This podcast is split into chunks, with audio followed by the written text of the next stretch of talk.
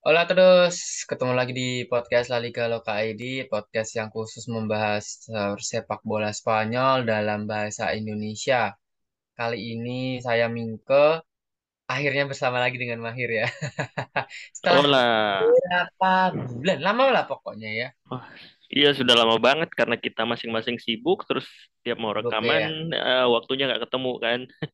Alhamdulillah sih sekarang bisa rekaman lagi. Musim baru juga kan, betul, sibuk kerjaan ya. macam-macam sibuk kerja. Ya, ya in general kerjaan sih ya pasti ya. Ya. Tapi tadi sempat bilang mau ke Spanyol lagi kan? Setelah Ah sekian ya, lama Allah balik ke ke Spanyol. Spanyol. Tujuan utamanya ke Jerman, tapi mungkin nanti ke Spanyol pengen. Ya kangen juga sama Sevilla, Real Betis gitu kan. Pengen lihat Barca juga dengan wajah baru. Pengen lihat Bernabeu Hmm, yang udah direnovasi. Kan terakhir di sana eh, betul. 2019. Dan ke Vallecas. Vallecas juga udah di direnovasi kan. Jadi pengen lihat semuanya. Iya. Kan kalau nggak salah dulu pernah cerita di buku kalau itu salah satu tempat yang paling berkesan kan selain suasananya. Karena waktu itu waktu itu cerita waktu itu cerita ditanya sama Warlock gitu kan. Terus Hmm. ini waktu itu yang berkesan sel- eh, tokonya kecil banget ya. Kalau nggak Ya salah ya. ceritanya. Dan itu lagi rame kan di medsos berapa ini. Ternyata sampai sekarang tuh Rayo Vallecano tuh belum buka sistem penjualan tiket online. Jadi jadi yang iya sampai sekarang mereka belum buka sistem penjualan tiket online. Nah, kemarin itu yang mereka eh, laga home pertamanya kalah lawan apa kemarin ya? Osasuna kalau nggak salah yang dua kosong itu. Eh Ya, jadi eh, itu kan laga laga kandang pertama mereka setelah renovasi kan. Karena di dua Hornada sebelumnya mereka main tandang. Itu tuh sampai nginap-nginap di luar stadion. Jadi mengular, antriannya mengular, terus mereka sampai nginap tidur di tanah gitu buat nungguin loketnya, jualan tiket. Nah, itulah Sama eh, klub jadul. primitif yang unik, unik Iya, lah sebetulnya juga ada masalah. Kalau nggak salah kemarin berita- baca berita ada masalah eh, antara presidennya dengan Mm-mm, Iral. Tapi itu nanti kita bahas. Betul. Ada kita waktu bahas itu. Eh, Sekarang kita mau bahas soal kita kasih apresiasi dulu terhadap eh, La Liga untuk siapa Ancelotti yang jadi kemarin dapat penghargaan pelatih pria terbaik Eropa gitu penghargaan UEFA. Kita sekarang harus ngasih ya eh, pria karena sekarang udah ada apa namanya ya Hmm, eh, pengakuan gitu kayak kesadaran untuk ngasih spotlight buat eh, pesepak bola atau pelatih perempuan gitu kan ya, wanita gitu kan. Jadi kalau pelatih terbaik wanita itu Sarina Wiegman em, yang kemarin bawa Inggris ya juara Eropa ya kalau nggak salah juara Eropa gitu kan. Terus pemain terbaik pria adalah em, siapa lagi kalau bukan Karim Rekik sorry Karim Benzema. Terus pela, eh, pemain perempuan terbaik adalah Alexia Putellas. Itu semuanya well deserved ya. Memang patut gitu kan. Nggak ada keberatan kan, Mahir kan?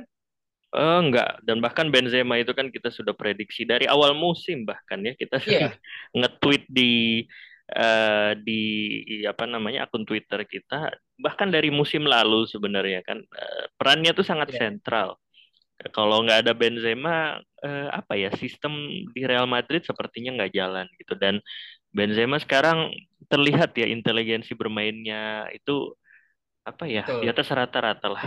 Ya, Dan setelah kesuksesan menjuarai eh, La Liga dan Liga Champions, kalau misalnya Benzema bukan Ballon d'Or, tapi memang sih Iya, eh, apa namanya pengakuan pemain terbaik tuh harusnya bukan Ballon d'Or saja ya, tapi ya selama ini kan eh, itu sudah jadi apa ya semacam legitimasi gitu.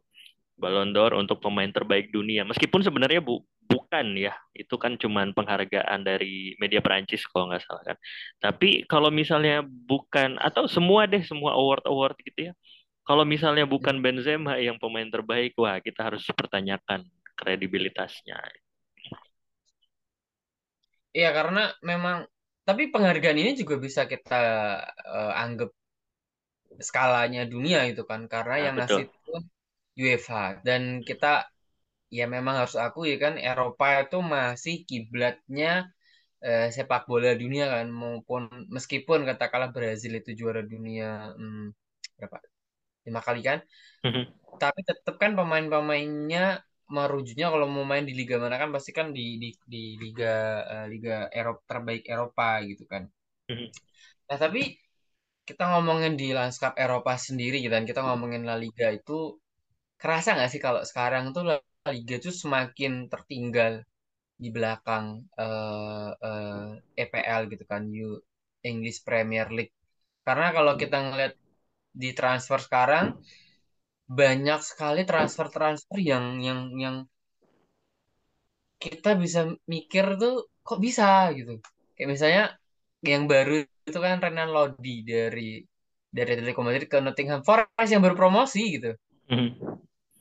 Kalau dibilang tertinggal dari segi apa dulu mungkin ya gitu. Tapi yang jelas kalau dari segi finansial, uh, finansial nah, dalam hal uh, dalam hal uh, salary ya pasti ya. Itu memang sudah uh, ya bisa dibilang tertinggal lah ya kata yang tepat untuk menggambarkan. Itu sudah hampir 10 tahun terakhir kayaknya ya. Jadi nggak ada yang bisa menandingi IPL memang. Jadi logikanya kalau misalnya eh, pemain di tahun lalu ya kalau nggak salah ya yang Nelson Semedo terlepas dari dia nggak di diinginkan lagi oleh Barcelona tapi pindahnya ke yeah. Wolves gitu kan. Ke Wolves. Bayangin dari Barca pindahnya ke Wolves. Iya. Kemudian se sebelumnya juga ada siapa, siapa aja ya, Rimina, Lucas Dean gitu kan. Eh, nah, kemudian setelah itu uh, ya awal musim ini baru deh Diego Carlos itu yang kalau yeah. di, bukan dilihat dari sisi uangnya itu kita mungkin nggak habis pikir ya maksudnya dia rela mengorbankan. Champions League untuk bermain di klub yeah. menengah IPL gitu tapi ya memang itulah yang terjadi selama ini ya mungkin yeah. gajinya di Sevilla uh, itu perlu perlu kita cek mungkin ya tapi mungkin gajinya di Sevilla itu nggak sampai setengahnya yang ditawarkan Aston Aston Villa gitu jadi ya ya wajar sih kalau misalnya pemain-pemain itu pindah ke IPL. Iya dan dan selain selain Diego Carlos kan juga uh, Kamara ya um, hmm. yang yang dari Liga Prancis itu sebetulnya sudah diincar, udah hampir deal sama Atletico. Kemudian juga ke Aston Villa gitu kan. Ya, kita kita sering hampir salah keliru Aston Villa itu kan kebiasaan. Aston Villa gitu kan. Itu juga gimana ya kok nggak mau main di Liga Champions gitu yang kata banyak orang uh, itu buat pesepak bola itu kayak salah satu impian gitu kan dan hmm. pindahnya ke klub yang main main di Liga Eropa aja Enggak. belum tentu rutin gitu. Iya, belum tentu rutin bisa rutin gitu kan. Mungkin dia mengidolakan Steven Gerrard dulu waktu kecil, jadi pengen dilatih langsung uh, gitu kan. Siapa yang Saul tahu? itu mengidolakan Jera juga sebetulnya, tapi kemarin dia masih sensibel, misalnya masuk masih hmm. masuk akal dia ya ke Chelsea terus habis itu balik ke sini nggak nggak ke Aston Villa gitu kalau hmm. dipinjamnya tapi nggak tahu kalau penutupan transfer tiba-tiba ke Aston Villa juga wah nggak tahu ini tuh. Terus ini ada data uh, total belanja La Liga itu pengeluaran ya musim ini ini direkap dari transfer market uh, hari ini Minggu jam jam berapa tadi saya cek jam 8 malam itu pengeluaran La Liga itu cuma cuma 446 juta euro. Terus hmm. kemudian Liga Inggris uh, Premier League itu 2,1 miliar. Jadi hampir cuma 20 persennya itu itu sangat-sangat jomplang gitu kan. Dan kalau kita ngomongin finansial kan kita ya pemain bola kan juga seperti profesional pada umumnya ya. Hmm. Dengan karir yang pendek mereka juga ya nggak masalah mereka pragmatis cari yang bisa bayar mahal. Casemiro itu juga juga apa itu katanya ya memang pindah karena apalagi kalau uang gitu kan karena gajinya itu gede banget ya gajinya itu kayak kalau nggak salah dua sampai tiga kali ya, lipat yeah, yeah. uh, Real Madrid. Tapi kalau Casemiro kemarin kan beralasan ya, emang kamu nggak eh, emang nggak mempertimbangkan main di Liga Champions gitu sebagai salah satu peng, eh, pengambilan keputusan. Terus dia bilang masuk akal sih kayak oh, aku udah punya lima gitu. Iya, dia udah bosan ya. ya kalau kalau dia masih terus kayak makanya Diego Carlos terus siapa lagi itu eh Kamara itu tadi kayak Isak ya yang yang yang kemarin juga Ya, yang sayang banget dia pindah ya dia. tapi kalau Isak mungkin eh, itu bisa dibilang peningkatan karir sih ya, terlepas dari eh, Newcastle tidak bermain di kompetisi Eropa, tapi Iya, saya bisa memahami trennya sih jalan ya. ya jalan pik- jalan pikirannya Isak. Kalau dia bersinar di Newcastle, dia bisa Hmm, diincar lagi oleh klub-klub yang lebih besar gitu. Kalau dia betul. kelamaan di Real Sociedad, mungkin dia dia kan sebenarnya kalau kalau yang ngikutin La Liga kan sebenarnya musim lalu dia nggak spesial spesial amat ya gitu ya. Ya, Meski sebelumnya musim ya. sebelumnya yang dia keren banget itu, apalagi yang waktu eh itu dua musim sebelumnya kalau eh tiga musim sebelumnya ya, Ya, eh, yang yang dia dia ya di. Copa del Rey eh, Ya, spektakuler banget penampilannya lawan Real Madrid. Tapi setelah itu eh, bisa dibilang dia menurun, tapi tentu saja masih sangat iya. potensial ya dengan usia muda gitu. Nah, saya bisa memahami sih kalau Alex Isak ya pindah ke Newcastle. Itu mungkin sama dengan eh, satu yang saya bilang sangat beruntung itu Muhammad Salisu ya, yang pernah bermain di Valladolid. Valladolid. Kemudian tahun 2020 kalau nggak salah dia pindah ke ke Southampton. Ya selain pasti gajinya lebih tinggi, Southampton pasti menawarkan gaji yang lebih tinggi dibanding Valladolid. Ya itu juga bisa jadi eh, apa ya? Itu playing safe aja gitu. Jadi dia dapat Hmm, gaji yang lebih tinggi, dia pindah ke klub menengah di IPL. Kalau dia main bagus, dia mungkin bisa diincar Chelsea, Arsenal, atau bahkan Manchester United atau Liverpool gitu. Daripada kelamaan di Spanyol kan eh, nggak terlalu banyak orang yang lihat gitu. iya. Dan ya memang memang itu tadi fakta banget sih memang. Main di La Liga itu kecuali kalau main di Real Madrid dan Barcelona ya. Bahkan Atleti itu belum bisa dilihat eh, Karena sebagai klub yang spotlightnya tinggi gitu kan. ya, Ya, ya, yang ya. jarang terdengar, bakal jarang terdengar. Karena memang sangat susah me- menyaingi kekuatan finansial klub-klub IPL. Saya pernah, saya ingat banget itu beberapa tahun yang lalu. Mungkin sumbernya nggak terlalu valid ya. Itu berupa prediksi aja. Ap- itu apa ya? Saya lupa. Ada website yang dia menampilkan eh, salary pemain-pemain bola di dunia. Tapi itu katanya nggak akurat. Cuman eh, Mhm. bisa lah jadi acuan gitu kan. Mungkin deviasinya nggak terlalu eh, menyimpang mungkin dari realita. Nah, di situ saya lihat di website itu bahkan seorang taruhlah Sergi Roberto gitu ya, pemain yang sebenarnya eh, bukan grade A di klubnya, tapi bukan pemain sembarangan juga ya gitu ya. Maksudnya bukan fringe Iya. player gitu kan. Nah, itu pun gajinya di Barcelona itu setara dengan ya let's say Bournemouth gitu kan di EPL atau Hmm. mungkin apa ya Fulham gitu. Jadi itu tuh sudah rata-rata gajinya Fulham. Kebayang nggak? Jadi pemain di Barcelona bukan pemain sembarangan seperti Sergio Roberto. Ternyata itu Ya. sebanding dengan gaji di Fulham atau Bournemouth. Fulham. Hmm, Ya, bak klub yang sebetulnya nggak bisa dibilang klub gede gitu kan di betul, di Liga Inggris gitu kan. Ini makanya betul. kayak Nottingham Forest yang musim ini beli udah 19 pemain loh.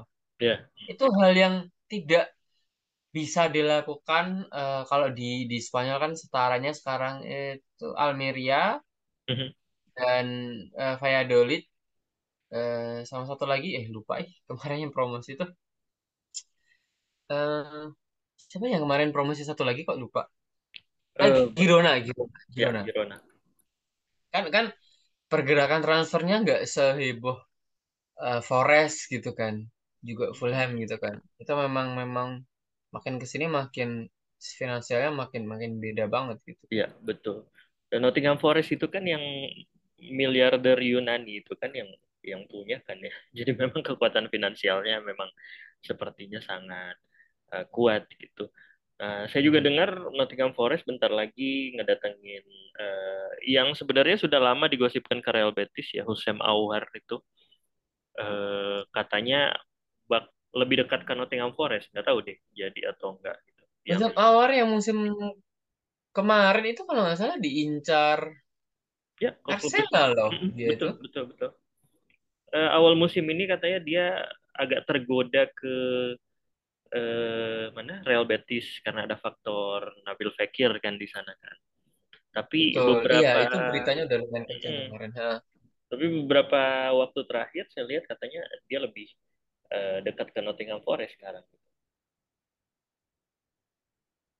Wow, sekelas Nottingham Forest yang baru lulus dari Championship bisa bisa menyanyi Real Betis yang menjanjikan. tapi ngomong-ngomong soal Nabil Fekir, di situlah mungkin kita harus mengapresiasi Nabil Fekir ya.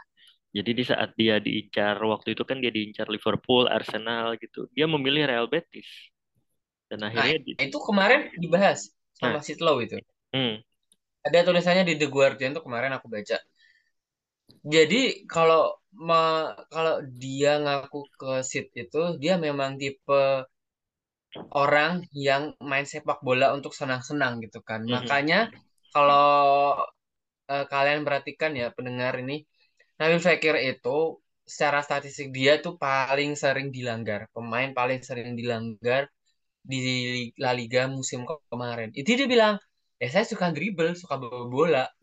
Resikonya dilanggar ya, ya udah gitu. Terus ditanya kenapa, kenapa kok memilih waktu itu Betis kan daripada Liverpool gitu kan.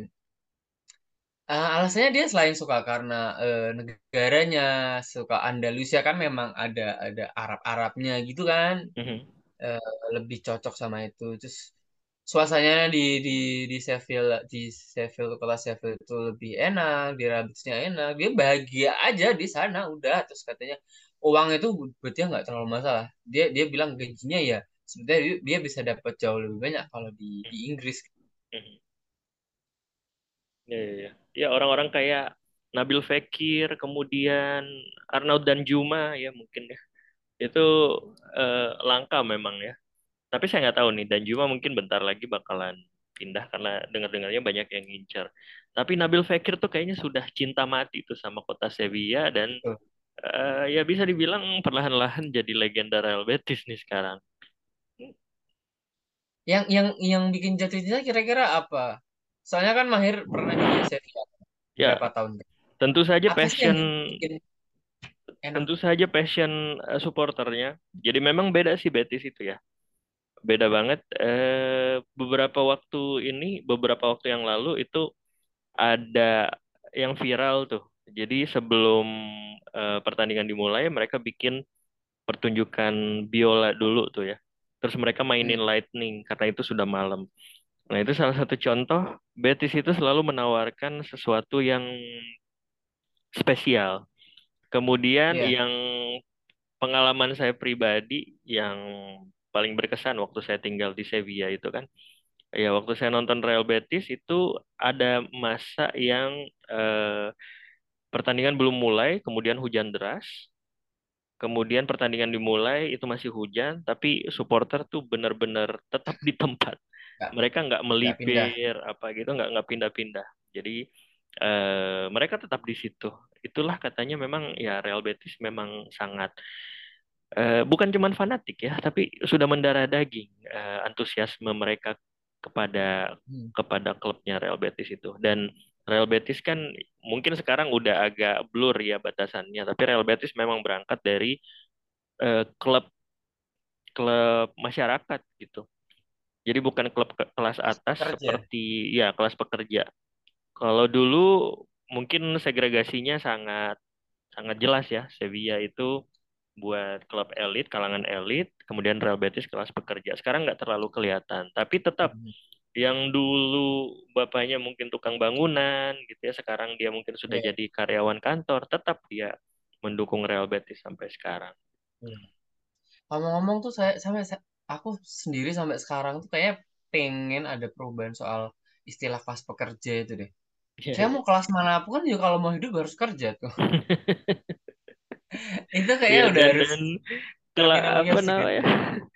Dan Real Madrid juga kan didukung kelas pekerja gitu kan. Jadi kalau kita mau bilang betul klub kelas pekerja, ya Real Madrid juga klub kelas pekerja. iya dan terminologi pekerja itu kayak pembedanya tuh apa gitu. Even Florentino Perez itu kerja loh Iya, dia iya, iya. ngurus klub ngurus usahanya itu juga kerja. Betul.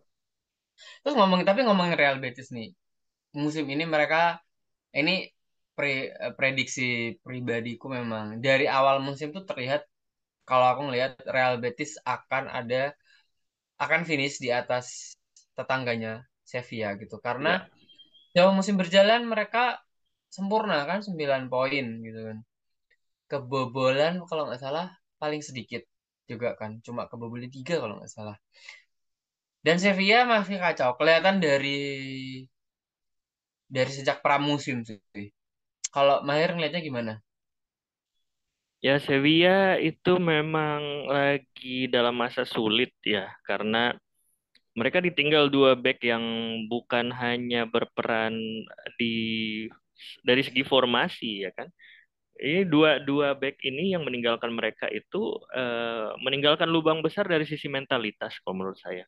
Jadi backbone juga mental ya mental berjuangnya Diego Carlos dan Jules Kounde itu berbeda lah dengan back-back yang memperkuat mereka sekarang kan gitu.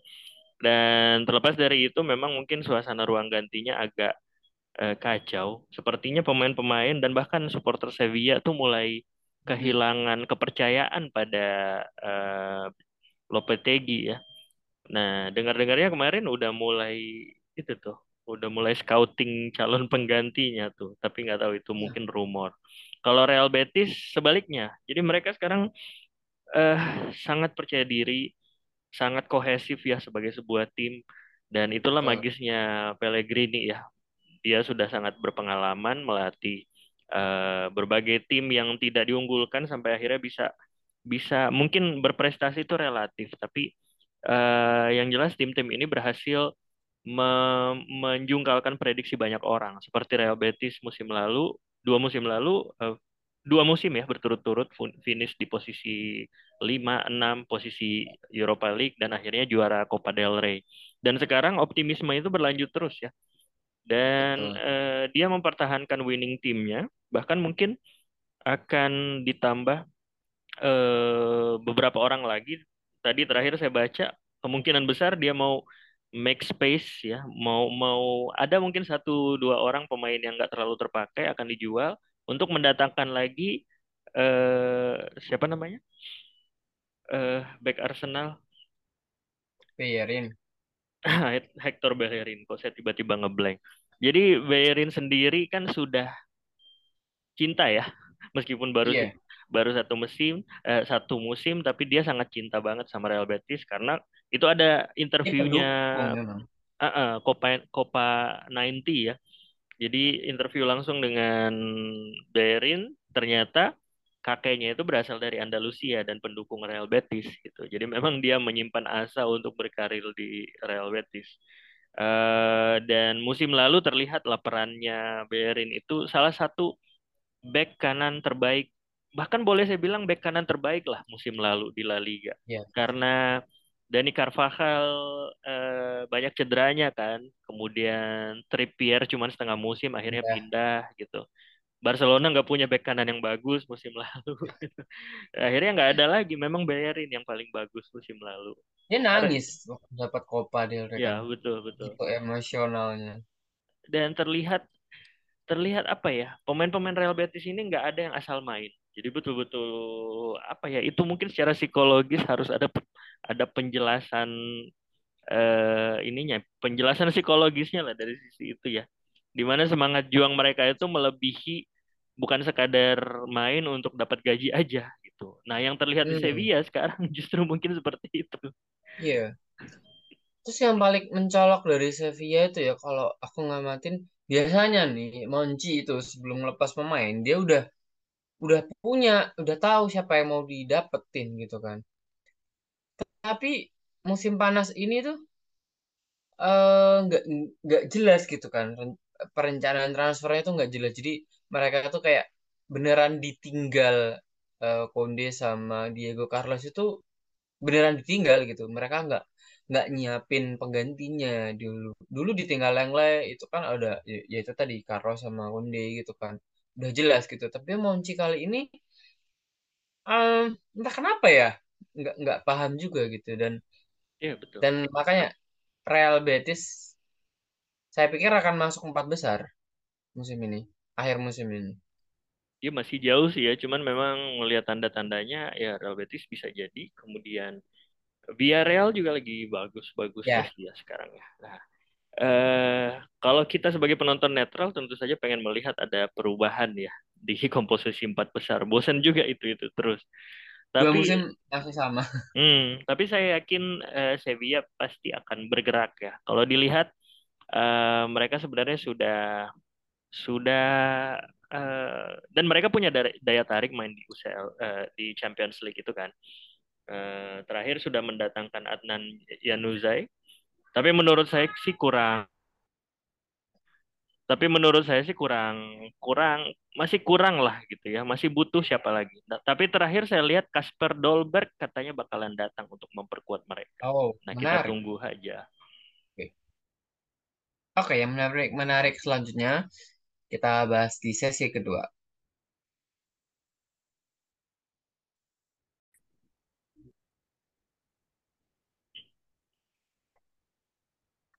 Hola, ketemu lagi di sesi kedua masih di podcast La Liga Loka ID. Kita masih membahas musim yang baru dimulai ini setelah membahas Real Betis eh, yang menarik ya musim ini. Kita akan bahas soal hmm, prediksi. Kita akan memprediksi gimana sih eh, klub-klub Spanyol yang bermain di kompetisi Eropa. Yang pasti pertama, kita mulai dari yang bawah dulu kali ya. Jangan dari yang Nah, Champions League boleh, dulu. boleh. Di UECL, UEFA Europe Conference League. Ini tapi bingung ya. Tapi sebelum kita bahas soal Villarreal yang main di situ, ini ini liga buat apa sih sebetulnya? Bikin banyak aja cuma buat nambahin pendapatan atau mm, Tapi, mengakomodir buat kompetisi di level yang lebih bawah. nah betul. Kalau menurut saya sih em, itu positif buat klub-klub yang apa ya antah berantah ya. Jadi mereka bisa punya pengalaman bermain di kancah Eropa gitu. Kalau Hmm. nggak salah sekarang bahkan ada klub dari Liechtenstein, FC Vaduz. Itu saya ingat waktu dulu tinggal di Swiss. Vaduz itu sebenarnya tergabung ke Liga Swiss karena Liechtenstein nggak punya liga sendiri. Tapi mereka berhak mewakili eh, Liechtenstein karena di negara itu ada kompetisi cupnya. Nah, sedangkan FC Oh, Vaduz itu nggak terkalahkan lah ya di kompetisi cupnya itu. Jadi mereka bisa main di kompetisi Eropa meskipun nggak pernah masuk grup tuh masih ikutan apa namanya penyisihan-penyisihan. Nah, tapi dengan Conference League mereka chance-nya untuk masuk ke fase grup itu lebih besar. Hmm. Nah, buktinya Oke. Vaduz nih kalau nggak salah udah masuk. Kemudian tahun lalu tuh ada apa ya, pokoknya klub-klub yang saya nggak pernah lihat. Kadang saya nonton sih, jadi iseng aja Conference League. Dan beneran itu stadionnya yang benar-benar apa ya, backgroundnya tuh alam banget gitu. Itu definisi antah berantah yang sesungguhnya gitu. Hmm. Dan Tapi jadi kalau menarik loh betul betul gitu. betul. Eh dan kalau dilihat dari apa ya, dari sisi juara aja ya. Kalau AS Roma finalnya kan Roma lawan Marseille ya. Itu dua dua klub Eh, yang bentar, Feyenoord. eh Feyenoord sorry sorry sorry Marseille mah di ini. Ya itu dua klub yang eh, benar-benar menunggu eh, apa namanya gelar gelar Eropa kan gitu. Terlebih lagi AS Roma dan saya pikir pas Roma juara tuh nggak ada nggak ada yang keberatan. Maksudnya mereka diledek itu apa namanya trofi Mickey Mouse mereka nggak peduli gitu dan mereka tetap parade itu kan heboh sekota gitu kan karena ya bagaimanapun ini trofi Eropa Ih, juara tetap juara. juara Trofi tetap adalah juara trofi. betul betul betul Betul. Tapi memang kalau kita ngelihat dari sudut pandang bahwa ini adalah kesempatan untuk klub-klub yang di liganya, oh eh, enggak, enggak di liganya, enggak semuanya level menengah maksudnya. Kan kalau di Spanyol yang main di situ level-level menengah, tapi kalau di buat negara-negara lain kan udah yang level, yang juara bahkan mungkin kan yang main di situ. Mhm. Bener ini kayak buat memfasilitasi untuk bisa nggak main sama klub yang itu-itu aja di negaranya ya gitu ya kan. ya, betul Kayak kalau kalau saya sang badminton ya. Jadi kalau di badminton tuh kan ada yang eh, International Challenge Mhm. belum masuk ke yang Super Series 100 ya itu ya kan jadi di bawah-bawahnya itu kan memang yang pemain-pemain level ribuan mungkin kalau di peringkat ya BWF gitu kan. Jadi pemain-pemain katakanlah di Spanyol gitu yang jauh banget di bawah levelnya Carolina Marin, Pablo Abian gitu. Dia bisa suka ketemu tuh sama pemain-pemain Indonesia, betul. Jepang, Asia-Asia lah ya kayak gitu-gitu. Nah, kita Cuman uh, gimana gimana? Ya cuman mungkin satu hal yang ini ya, bukan di kompetisinya sih ya, tapi saya agak ngerasa eh, aneh gitu ya, karena eh, Piala Super UEFA itu masih saja mempertemukan antara juara Champions. League dan juara Europa League gitu kan. Kalau menurut saya eh, juara eh, sorry juara Champions League dan Europa League. Tapi Bapak. menurut saya sih harusnya juara Conference League dilibatkan juga aja. Jadi Iya, misalnya bisa kayak trio gitu kan. atau eh, yang Champions League langsung masuk final, kemudian pemenang antara juara Europa League dan Conference League akan menghadapi juara Champions League gitu. Hmm, Soalnya aneh kalau aja UEFA bikin tiga turnamen tapi satu tidak diikutkan dalam ya Super League gitu kan. Kayaknya karena baru gitu kan. Jadi mereka Mungkin. bingung Mm-mm. skemanya gimana. Tapi kalau aku pribadi lebih menarik kalau dibikin kayak ingat nggak sih kalau di di Serie A itu dulu sering ada itu loh yang ah, trofi apa gitu yang yang ancuman antara Inter, Milan sama Juve itu. Oh tim ya, trofeo tim. Iya, Hmm. iya itu kan seringnya cuma lagi tiga kayak itu sekarang. kan. Nah, itu saya bisa dibikin gitu, tapi bukan sistemnya yang eh, apa namanya ya, knockout gitu. Ya ya ya. Tapi kalau ketemu nanti dihitung golnya atau apanya. Kalau misalnya sama nanti ya apalah gitu. Mhm. Adu adu penalti atau adu apa kayak gitu. Nah, Conference League ini eh, Spanyol mengirim satu yaitu Villarreal yang eh bentar dia musim kemarin kan semifinal Liga Champions. Semifinal Dia Champion. main di Conference dua level eh, di bawah dia di tergabung dengan Hapoel Beersheva kalau ada salah eh, pengucapan eh, silakan dekorasi ya karena saya lu- belum meriset ya cara pengucapannya Austria Wien dan Lech Poznan yaitu Hapoel Beersheva itu dari Israel Israel. Mhm. Israel. Austria Wien eh sesuai namanya Austria dari kota Wina dan Lech Poznan itu Polandia. klubnya Lewandowski kalau nggak salah Oh iya, iya Polandia betul betul. Mhm. Villarreal tentu saja kalau di atas kertas itu di diunggulkan gitu kan. Mhm. Tapi akan mereka, apakah mereka akan serius di kompetisi Kalau ini? saya pikir mereka akan serius. Kemarin aja waktu di penyisihan tuh lawan siapa ya? Yang Morales eh, cetak dua gol. Itu meskipun mereka memasang pemain eh, bukan pemain pelapis sih, tapi yang jarang main di liga sampai eh, Hornada 3 ini ya. Morales, kemudian kipernya Pepe Reina gitu. Mereka serius sih. Mereka serius dan saya pikir Unai Emery ini kan spesialis turnamen ya sebenarnya ya. Kalau Hmm, betul. eh, kalau Europa League aja dia bisa serius dan mendominasi, saya pikir eh, Conference League dia Hmm, akan dia akan berusaha lah. gitu. Dan ya. memang sih berarti kan kalau juaranya itu hadiahnya ke Europa League ya. Dia bisa ke Europa League lewat jalur liga, tapi kalau dia mati-matian di Conference League, dia dapat trofi lagi gitu. Saya yakin Villarreal akan serius. Saya baru memi- aku baru memikirkan satu kemungkinan yang eh, unik atau aneh ya. Jadi misalnya nih Villarreal, oke dia juara Conference League gitu kan, seperti harapan kita. Dia kan dapat tiket Europa League gitu kan, kalau dia menang Conference League ini. Tapi kalau di Liga dia peringkat 4 atau malah tiga kan dapat Champions. Terus tiketnya digimanain? Ke kasih ke runner Hmm. up. Sepertinya Nah, gitu ya. tahu deh. Itu biasanya dibahas lagi tuh sama sama federasinya nantinya. Cuman kalau Champions League kan nggak akan apa namanya? Eh, ya tapi bingung juga sih ya. Misalnya kayak Ya tahun kan? lalu hmm, mereka akhirnya nggak ngirim ke Conference League. Kayak, sama kayak Bundesliga kan tahun ini nggak ngirim ke Conference League kan. Karena jatahnya dipakai buat Champions mereka dapat lima gitu. Betul. Nah, itu ya itu itu nantilah. Ya Tapi nantilah kita lihat.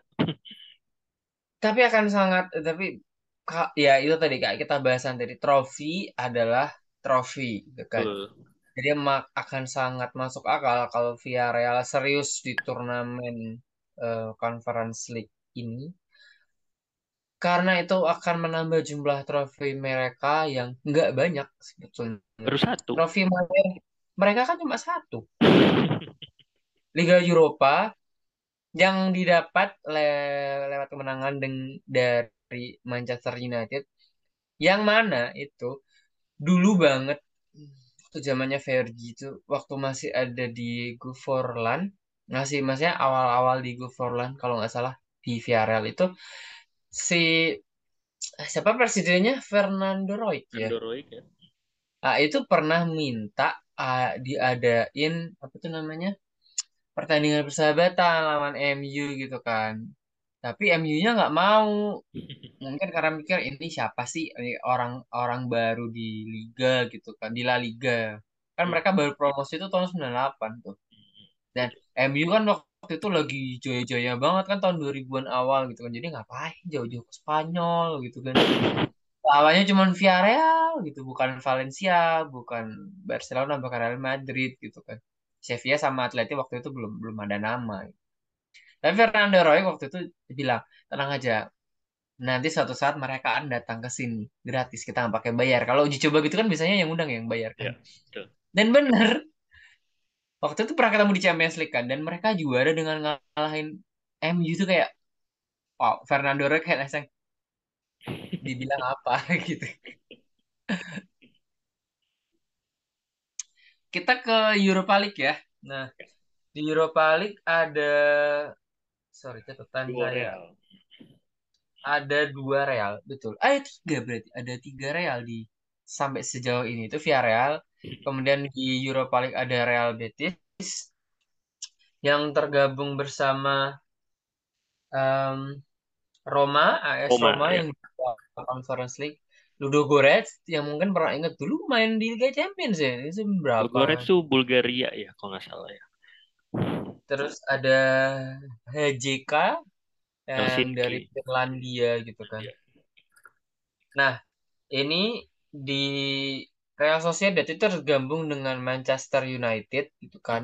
Ketemu Waktu lagi. itu dua musim lalu pernah ketemu di fase gugur gitu kan Ya. yang em, kalah telak di kandang maupun tandang waktu Real Hmm. Sociedad.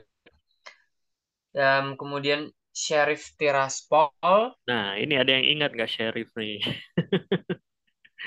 yang ngalahin Real Madrid. Real Madrid musim lalu. Di Bernabeu lagi Oh, kan ya? tapi Real Madrid adalah Real Madrid. Tetap aja lolos Hmm. dari eh fase grup. Ini nggak pernah mereka nggak pernah lolos tuh. Tapi Nggak tapi yang itu kayak lolos. kayak musim lalu tuh kemenangan eh, Sheriff tuh kayak sedekah gitu buat Real Madrid kan. Jadi dengan Hmm. modal tiga poin dari Bernabeu itu akhirnya Sheriff finish di posisi tiga. Mereka bisa ke Europa League. Eropa gitu. Iya, iya. Tanpa tiga poin itu mereka akan juru kunci itu. Wah, Iya. Mungkin baik karena sedekah itu mereka bisa Sedekah itu akhirnya juara Real Madrid.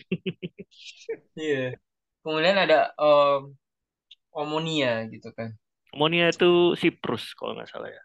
Terus betul. Ah nggak apal benderanya sih. Tadi cuma sekelas lihat benderanya bendera mana? Siprus Margono ya. Kiper. Em, bakal sejauh mana Real Betis dan Real Sociedad? Pastikah Nah, mereka lolos dari grup? eh kalau dari grup saya yakin pasti. Cuman kan ini agak berbeda ya formatnya Europa League dari musim lalu kalau nggak salah. Jadi kan Mhm. juara itu akan langsung ke lupa saya 16 besar. Kemudian runner up ke 32 besar yang ada Ada buangan. playoff-nya ya kalau nggak salah. Ya buangan Champions League kalau nggak salah gitu. Betul. Nah, di sinilah pentingnya para wakil Spanyol ini untuk menjuarai grup. Tapi kalau dilihat, bentar, dua-duanya sih berat ya kalau menurut saya. Berat, berat. Hmm. Betis mungkin Roma ada Jose ya, Mourinho. eh, tapi Betis mungkin lebih berpeluang lah untuk juara grup. Kalau Real Sociedad agak ini nih, karena mereka Eh, tiap ketemu MU pasti kacau. Sekacau-kacaunya MU tiap ketemu Real Sociedad, Real Sociedadnya yang kalah. ya. Real Sociedad nggak terlalu meyakinkan ya musim ini. Paling nggak dilihat dari hasil-hasil awal dan pergerakan mereka di transfer. Betul. Ya kalau mereka bisa runner up sudah udah udah bagus sih. Ya ya. Tapi saya mereka baru berharap sama Real Betis. hmm, mereka baru mendatangkan lagi eh, Alex Sorloth itu kan dari Iya, eh, tapi saya nggak tahu nih dipinjam atau permanen dianya. Yang jelas Kalau nggak salah permanen sih. permanen ya. Yang jelas. Sorloth nanti akan eh, menggantikan posisi Isak ya. Eh, kalau musim lalu kan Sorloth lebih banyak dari bangku cadangan. Ha, tapi saya pikir lumayan waktu itu golnya 4 atau 5 lah gitu. Dalam setengah musim terbilang lumayan. ke Atleti, ke jagoannya Jan Oblak sekarang. Dan Takekubo eh, di Hornada pertama udah ngegolin dan golnya juga bagus ya. Cuman nggak tahu nih bisa nyetel atau enggak. Tapi saya pikir Kalau nggak salah mereka ngincar Umar Sadik ya ya Umar Sadik tapi belum dari Almeria. belum diterima. Ya maksudnya Hmm. Almeria juga nggak akan ngelepas murah ya pasti Umar Sadiknya gitu. Dan Tapi deadline pula. nah gitu dia. Kita tunggu aja mungkin sampai tanggal satu. Oh Besok. harusnya kita rekaman besok mungkin ya. Jadi biar semua transfer itu udah selesai. Ya, kita lupa kalau ini hari ini tuh deadline transfer. Harusnya tuh besok kita rekaman ya. Tapi mungkin nanti kita rekaman lagi ngerekap semua transfer-transfer kali ya kali ya. Ya, tapi Ah, iya. ya eh, secara keseluruhan menurut saya sih Betis berpeluang jadi juara grup. Tapi kalaupun meleset bisa jadi runner up dan mungkin siapa pun lawannya nanti di eh, playoff ya mudah-mudahan Betis sih masih masih inilah masih punya daya saing lah di Eropa kalau menurut saya. Cuman kalau ngelihat musim lalu tuh mereka kalah sama siapa ya? Lupa. Iya, pokoknya mereka gagal menembus semifinal. Mereka berhenti di 16 besar ya musim lalu, lupa. Hmm. Eh, ya, itu yang mungkin akan diperbaiki oleh eh, Pellegrini musim ini ya. Dan mereka lebih siap pasti musim ini. Saya pikir, saya pikir salah satu kandidat juara sih. Tapi Iya. kita tunggu eh, kita tunggu aja nanti buangan dari Liga Champions kan biasanya ganas-ganas tuh. Klub-klub Jerman ya apalagi ya kalau ngelihat musim lalu. Ini bridging yang bagus karena tadi saya kepikiran mau ngomongin kalau soal juara Real Betis lawan yang paling cocok Hmm. sepertinya takdir adalah Sevilla. Punten ya Indo Sevilla ya. Karena kita pindah ke Liga Champions ini. Kita bahas Sevilla itu tergabungnya sama Dortmund, City dan Copenhagen. Nah, Copenhagen, Copenhagen terusnya. Eh, tapi banyak kalau nggak salah. Copenhagen. Jadi Hmm. Dortmund, City, Sevilla itu kayaknya hanya orang yang terlalu optimis yang akan naruh Sevilla lolos dari grup ini gitu kan. Dan Makanya banyak memprediksi Sevilla akan terlempar ke habitatnya yaitu Liga Eropa dan saya pribadi berharap ketemu deh lawan Betis no berantem di final. Dan kalau bandingannya musim lalu kan musim lalu sebenarnya orang-orang optimis tuh Sevilla minimal jadi runner up. Kan saingannya waktu itu cuman Salzburg, kemudian siapa Mhm. lagi? Lille, eh, aduh satu lagi siapa ya lupa saya. Ya pokoknya semuanya Wolfsburg. Wolfsburg, Wolfsburg musim lalu. Di atas kertas tuh harusnya Sevilla tuh bisa lolos. Mereka akhirnya ke peringkat tiga dan akhirnya pindah ke Europa League. Europa League gugur pula kan, padahal sebenarnya itu Iya, kesempatan emas untuk habitatnya Nah, tampil di kandang sendiri pula seandainya ini kan seandainya masuk final. seandainya final Nah, iya. itu pun dengan Kalah sama Eintracht Frankfurt ya. eh, mereka kalah lawan Enggak. Oh, Betis yang kalah lawan Frankfurt ya musim lalu. Oh, Betis, sorry, sorry. Nah, Sevilla tuh kalah lawan siapa ya lupa. Ya Pokoknya pokoknya kalah. ya pokoknya nggak banget lah Sevilla musim lalu. Maksudnya ada masa di mana mereka menjaga semua ritmenya tuh eh, mereka lolos di semua kompetisi kan musim lalu kalau nggak salah dan sudah di posisi dua, kemudian kehilangan momentum dan akhirnya berantakan di Ya, setelah Februari gitu. Sevilla just being Sevilla ya. Memang gitu dari dulu. Betul. Nah, Kalau di Liga tapi nggak tahu ya, ya apa pun bisa terjadi. Siapa tahu juga nanti eh saya pribadi nggak ada ini sih ya, karena saya juga ada eh, saya tergabung di Indo Sevilla juga sebenarnya kan gitu. Tapi terlihat bahwa fans Sevilla itu udah perlahan-lahan em, kehilangan kepercayaan sama Lopetegui sebenarnya. Hmm. Dan kalaupun memang nanti harus menyudahi kerjasama dengan Lopetegui, mudah-mudahan betul-betul pelatihnya yang didatangkan nih yang minimal seperti Pellegrini lah. Yang bertangan dingin Ya, dan sudah terbiasa memegang. Bukan lagi kayak Montella gitu. Saya saya bingung juga sih yang apa namanya caretaker caretakernya Sevilla tuh kenapa dari dulu tuh nggak banget. Ya, mereka nggak bisa kayak Foro ya, Ya, caretaker Valencia yang selalu berhasil. Jadi caretaker selalu berhasil. mereka Tapi kalau punya ngomongin grup sebenarnya itu ya, Joaquin Caparros nggak sih? sebenarnya kan. Gimana? Jadi mereka punya semacam foronya gitu. Joaquin Caparros kan udah berapa kali tuh jadi caretakernya Hmm. Sevilla. Tapi maksudnya ya nggak bagus-bagus juga sih Joaquin Caparros itu ya. Iya, benar, benar. Dan saya yakin Nah, banyak sebenarnya pelatih papan atas yang mau ke Sevilla gitu. misalnya Misalnya kayak eh ya siapa yang lagi nganggur sekarang ya? Ole Gunnar Marcelino Solskjaer mungkin siapa tahu. Siapa tahu mereka berminat oleh mendatangkan Ole. Tapi Ole bukan ya, bisa kita bilang pelatih papan atas sih. Tapi maksudnya yang yang jelas Sevilla tuh punya punya apa namanya? punya daya tarik. Atau kayak Philip Koku di mana sekarang? Ya kayak kayak gitulah misalnya ya. hmm, satu yang saya rindukan itu kalau di grup itu tuh ini apa itu konfliknya Bruno sama siapa sih Halan ya? Ketemu lagi kan mereka waktu Ya. itu yang pas penalti itu kan ngejek-ejekan si Halan ini kelakuannya kalau di badminton tuh kayak bener-bener kayak Kevin Kevin Kevin Sanjay gitu yang ya jago makanya ya berhak sombong kayak gitu. Tapi seru jadinya. Dan ketemu lagi tapi Halan udah berbaju eh, City. Terus kita ke grup lainnya ada Real Madrid dan RB Leipzig. Kemudian ada Shakhtar Donetsk. Ih, Shakhtar Donetsk ketemu mulu sama Real Madrid Ya ini. nih. Hmm, Dan Glasgow Celtic. Celtic. Ya Real Madrid ya lolos lah. Pasti lolos lah. Terlepas nanti iseng jadi runner up atau ya kayak biasanya jadi juara grup. Pasti lolos. Karena mentalitas mereka di, eh, di Liga Champion itu beda gitu kan. Bahkan kemarin ada statistik yang eh, kalau anak sekarang bilang membagongkan itu. Casemiro itu jumlah titelnya punya Liga Champions, trofi Liga Champions itu 5. Trofi La Liga 3. Gimana ceritanya ada orang yang jumlah trofi Liga Champions-nya itu lebih banyak dari Liga itu gak masuk akal kecuali kalau main di Real Madrid. Hmm. Nah, kalau dilihat juga grupnya ya ya orang gila aja sih yang nggak memprediksi Real Madrid bakalan lolos ya gitu. Iya. Apalagi kan yang lolos ada dua. Ya, kalaupun bukan juara pasti jadi runner up gitu. Meskipun bola itu bundar, tapi nggak sebundar ini juga sih mungkin.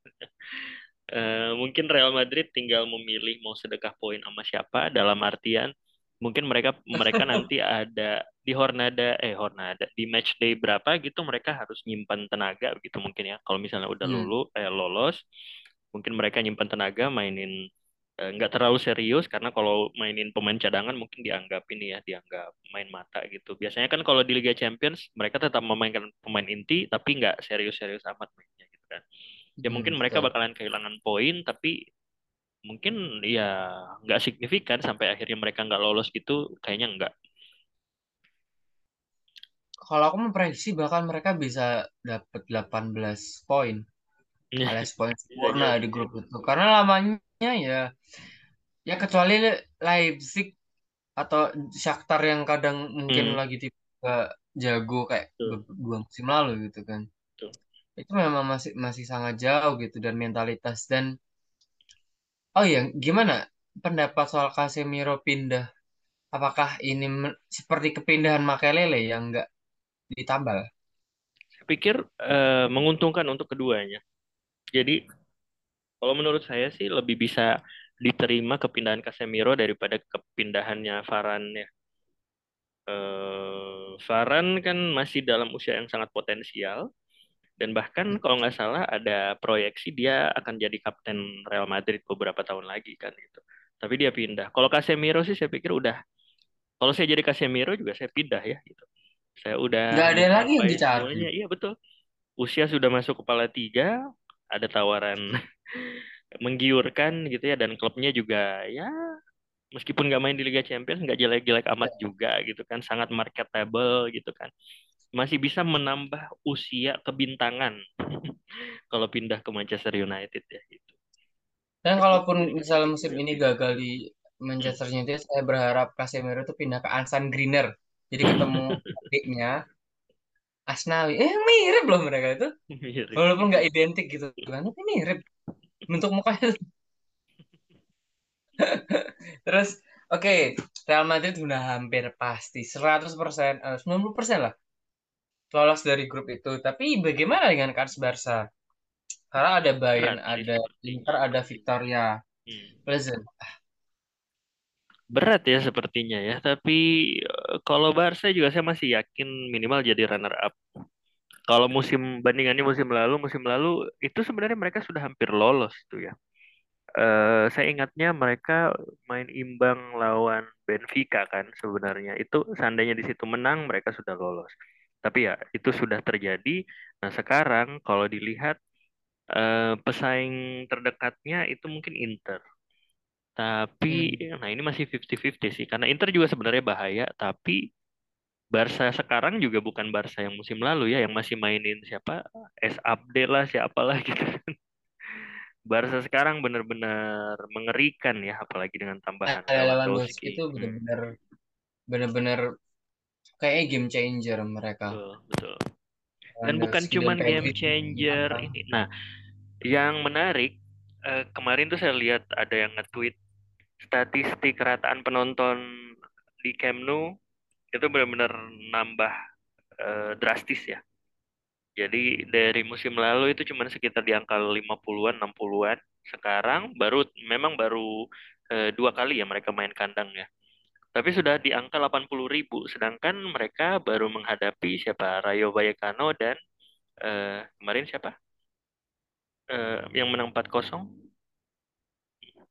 Bentar, Bentar, aku lupa. Real Sociedad. Bukan, bukan. Real Sociedad kan di kandangnya. Ah, bentar. Barca main. Ya Bangsat. pokoknya intinya bukan klub-klub besar ya. Yang Real Valladolid. Jadi baru Vallecano sama Valladolid itu sudah rataan penontonnya 80 ribu gitu. Gimana nanti kalau El Hmm. Clasico atau lawan Atleti, lawan Sevilla gitu.